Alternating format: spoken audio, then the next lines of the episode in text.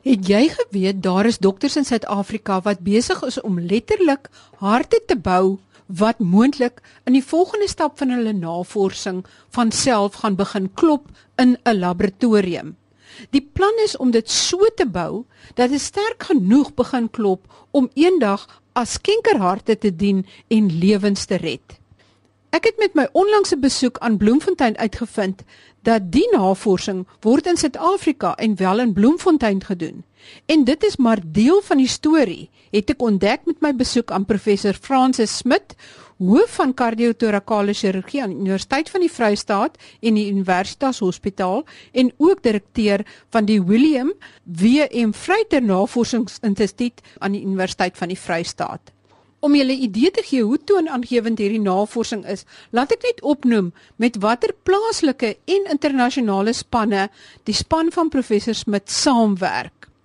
Hulle werk onder meer saam met ander mediese departemente en ander departemente van die Universiteit van die Vrystaat, die Sentrale Universiteit van Tegnologie in Bloemfontein, die Departement van Meganiese Ingenieurswese van die Universiteit van Stellenbosch, die Departement van Kardiologie van die Universiteit van Stellenbosch, ook met die Universiteit van Kaapstad se Hartnavorsingsinstituie en internasionaal met die heel bestes in die wêreld, naamlik die universiteite in Berlyn, Spanje, Switserland, Australië, Amerika en Skotland. So kom ek stel julle voor aan professor Francis Smit wat die leier van hierdie navorsingsspanne is. Professor Smit, presies wat doen julle met betrekking tot hartkleppe en waarom is dit belangrik? Baie dankie eh, Marie vir die geleentheid om met julle te praat. Die instituut het basies 3 groot doelwitte. Eerstens om navorsing te doen en op 'n internasionale standaard bydraes te lewer in kardiovaskulêre medisyne. Die tweede uh, doelwit is dan die ontwikkeling van produkte wat ons kan gebruik in kardiovaskulêre medisyne. En derdens dan ook om 'n toetsentrum te wees vir materiale wat mens gebruik uh, vir industriële maatskappye wat in die kardiovaskulêre industrieprodukte soos byvoorbeeld kunstkleppe vervaardig. Die ander been van die instituut is om te kyk na samelewing en kliniese navorsing, maar ek dink wat ons oor praat gaan oor die basiese mediese uh, wetenskaplike navorsing. Professor, kan jy so 'n bietjie meer inligting gee oor watter afdelings daar is? Met ander woorde, waarop is julle navorsing gerig en wat wil julle graag uitvind? Wel, ons het 'n geskiedenis in uh, Bloemfontein dat ons uh, lankreeds werk met homographs. Dit is uh, klippe wat ons van mense afwerf het as oorplantingsmateriaal beide die aorta, die linkerkant se uitvloeibaan en die regter uitvloeibaan of die pulmonale hemogras word uh, as byse gewerf en dan geprosesseer. Ons is sedert die vroeë 90's redelike groot bank in die wêreld.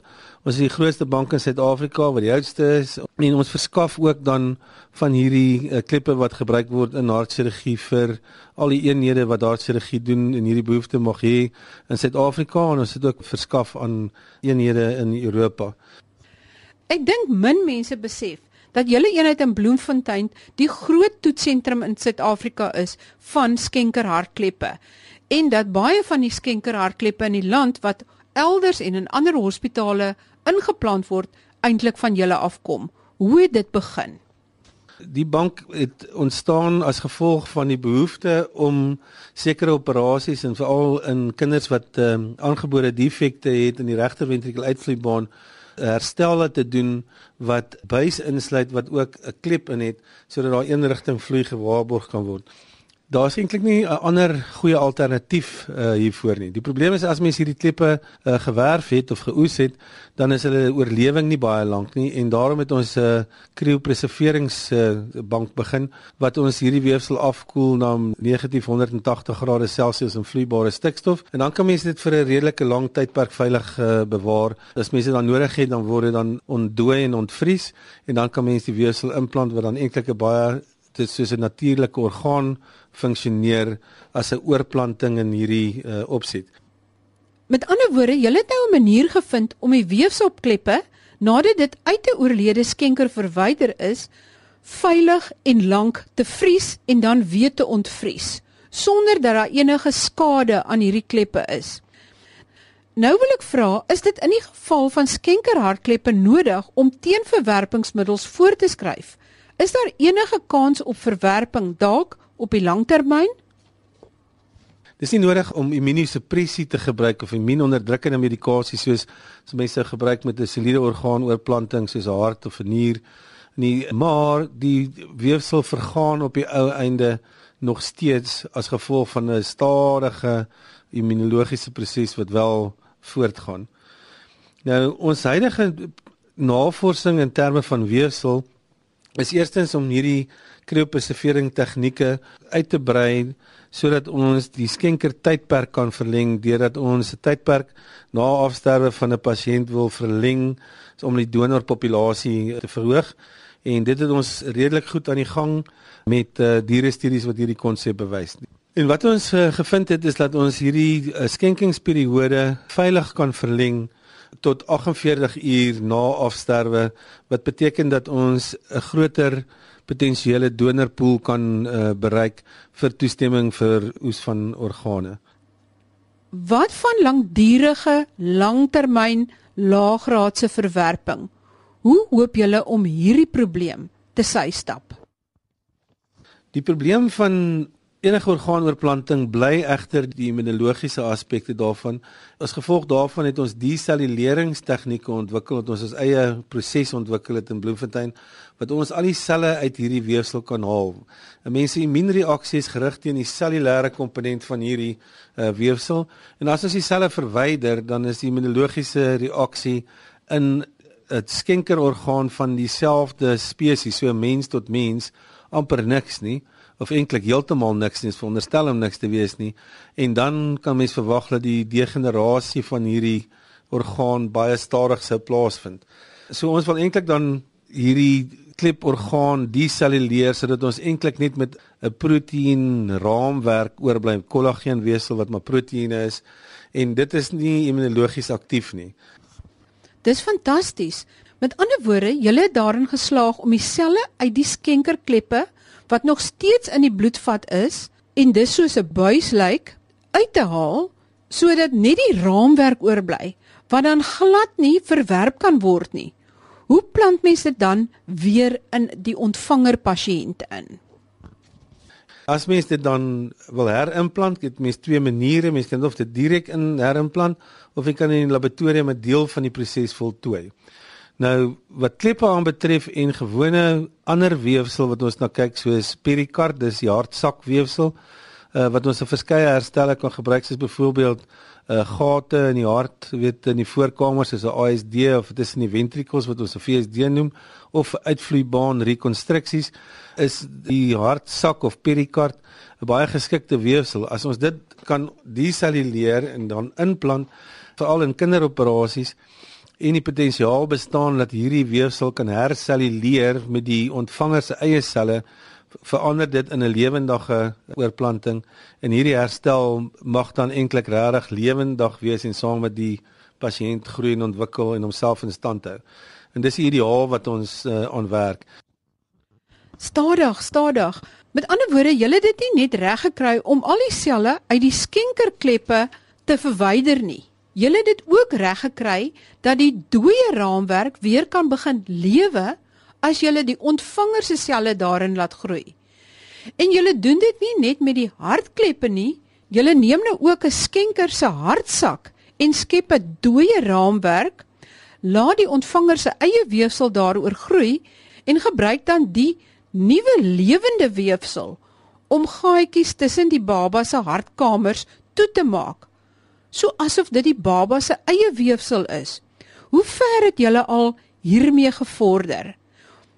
In die perikardweefsel het ons goed gevorder en ons is besig nou met ons finale uh, dierimplantings om hierdie as 'n uh, patch te gebruik. En hoe ver het julle al gevorder met die kleppe?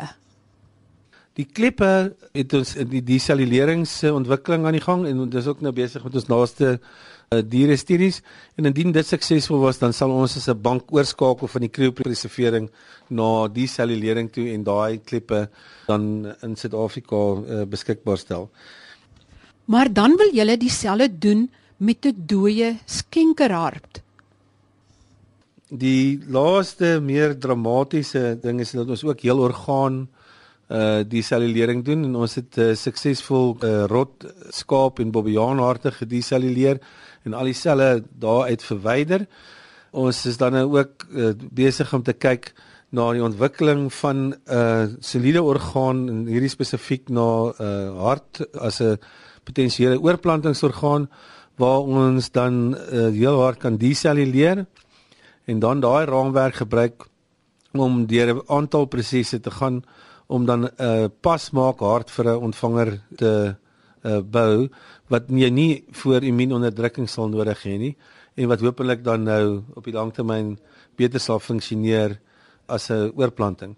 Nou om dit te doen kan ons die orgaan reeds deselluleer.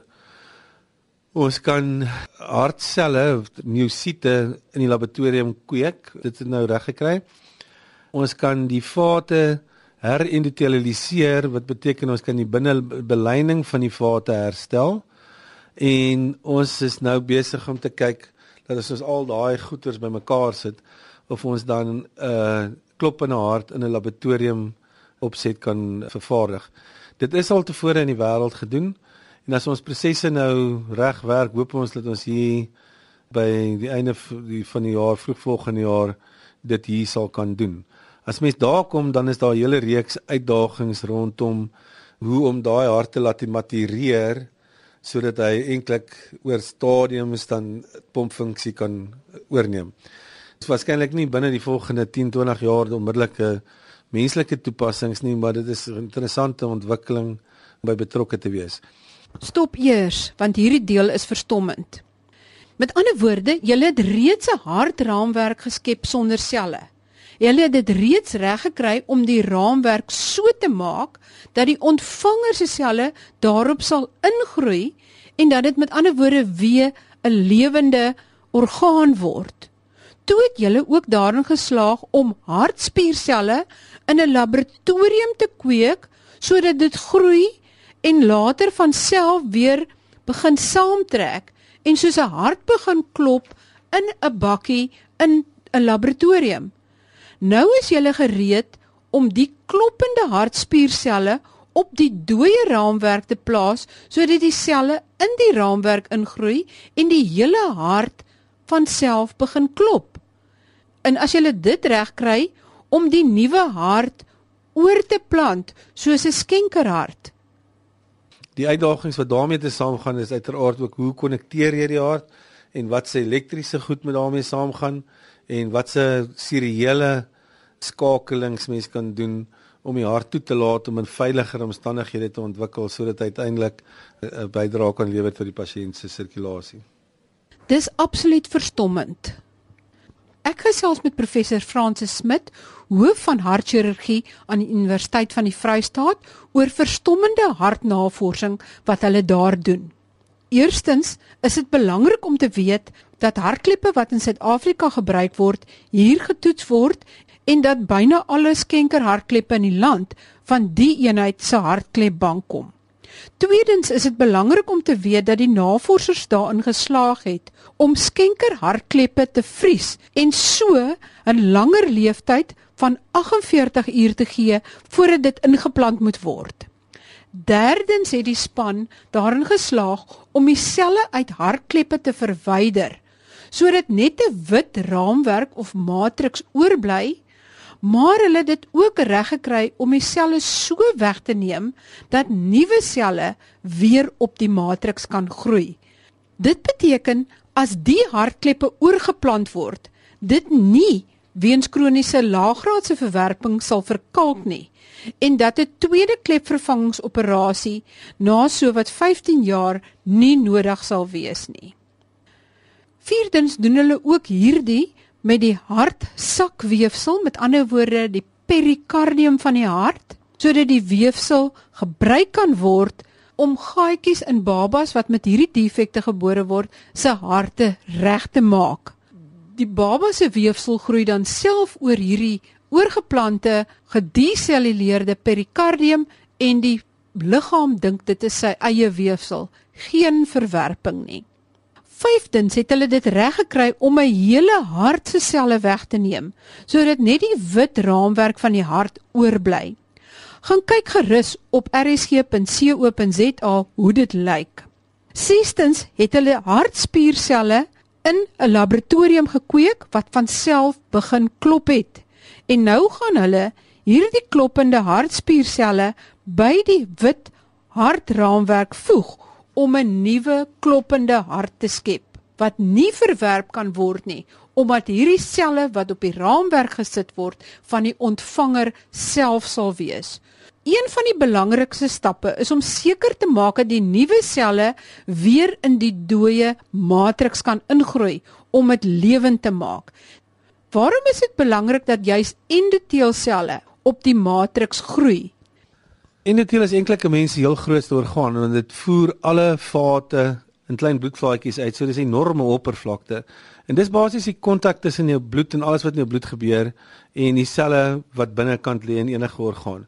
En die belangrikste dele vir ons het twee aspekte. Die een ding is dat as jy endoteel uh het is dit waar jou hoof immunologiese aktiewe sentrum sit. So dis die eerste ding wat mense mee beklei in 'n verwerpingssituasie is dit die plek waar as jy 'n orgaan oorplant herken die bloed dit is vreemd dit val dit aan. So as jy jou eie endoteel kan maak bo oor iets is dit klaar 'n stap na immunologiese inertia toe dat jy nie interaksie het nie. Die ander belangrike rol van endoteel is in jou interaksie met stolling en ook om as jy klein stolsels wat voortdurend mag in 'n mens se liggaam uh, vorm ook om dit te laat ontstol. So jou hele stolling en nie stolling meganisme is baie belangrik dat die endoteel oordentlik funksioneer. So as ons 'n orgaan wil kweek, moet ons probeer om 'n endoteel beleining te kry bo op die vate sodat ons nie met die eerste klompie bloed wat daar inloop dadelik 'n massiewe katastrofale stollery het nie, maar ook op die lang termyn 'n oordentlike vloeiing te uh, bepaal. So die kwessie om die vate te re-endotelialiseer is 'n stap in die re-cellulering van die hele orgaan. So stap 1 is om selle dwars deur hierdie matriks te laat uh, inkom, maar dan moet ons die vaskulêre bed kan re-endotelialiseer sodat ons nie katastrofale stollings kan kry nie. Ge-endotelialiseerde vate het geen stolling gehad nie en dit lyk asof daai endoteel normaal funksioneer. So ons is baie gelukkig met daai stap. Professor Smit, ek weet al hierdie navorsing vat baie baie jare. Wat is die tydsraamwerk waarna mens kyk? Sê maar voordat die deselluleerde perikardium dalk gebruik kan word om gaatjies in die hart toe te maak. Hierdie goed vat baie lank. Die toekomsverwagtinge is dat met die perikardweefsel het ons redelik ver gevorder. As ons ons huidige dierprojek suksesvol voltooi, sal ons gereed wees om ten minste die wat jy genoem het gaatjies in die hart te begin toemaak met goed wat ons hier maak van ek dink middel volgende jaar se kant af in mense ja. En dan om 'n klep te maak uit die perikardweefsel sal ons die einde van die jaar, middel volgende jaar reg wees om te sê dis wat ons wil gebruik. Ons sal die ontwerpe redelik bymekaar hê en dan sal ons dit weer in diere studies moet begin insit wat ten minste 6 maande na 'n jaar kan vat. En dan die ander ding wat ek ook met veel net moet noem is goed gaan altyd verkeerd. Weet so mense uh kan nie met weefsel werk en dink jy gaan akkurate voorspellings maak nie, maar ek dink ons kan in volgende jaar na volgende jaar se einde toe 'n perikart hê en ons kan so binne 3 jaar 'n klip hê wat uh, gereed is vir menslike toetsing. Die deselluleringsprosesse in ons huidige homograaf bank opset uh behoort ons die inligting so te hê dat ons waarskynlik in die tweede helfte van volgende jaar kan begin dink om dalk 'n uh, gedeselluleerde homograaf produk beskikbaar te begin stel in in Suid-Afrika. Al hierdie goederes is onderworpe aan toetse. Daar's sekere voorskrifte wat bepaal word deur die Amerikaanse FDA, die CE merk van Europa en ons probeer sover as moontlik by daai tipe voorskrifte hou. Wat beteken as mens hierdie nuwe weefsel in mense wil begin gebruik, moet ook eers weer binne 'n uh, vrywilligersgroep mense getoets word.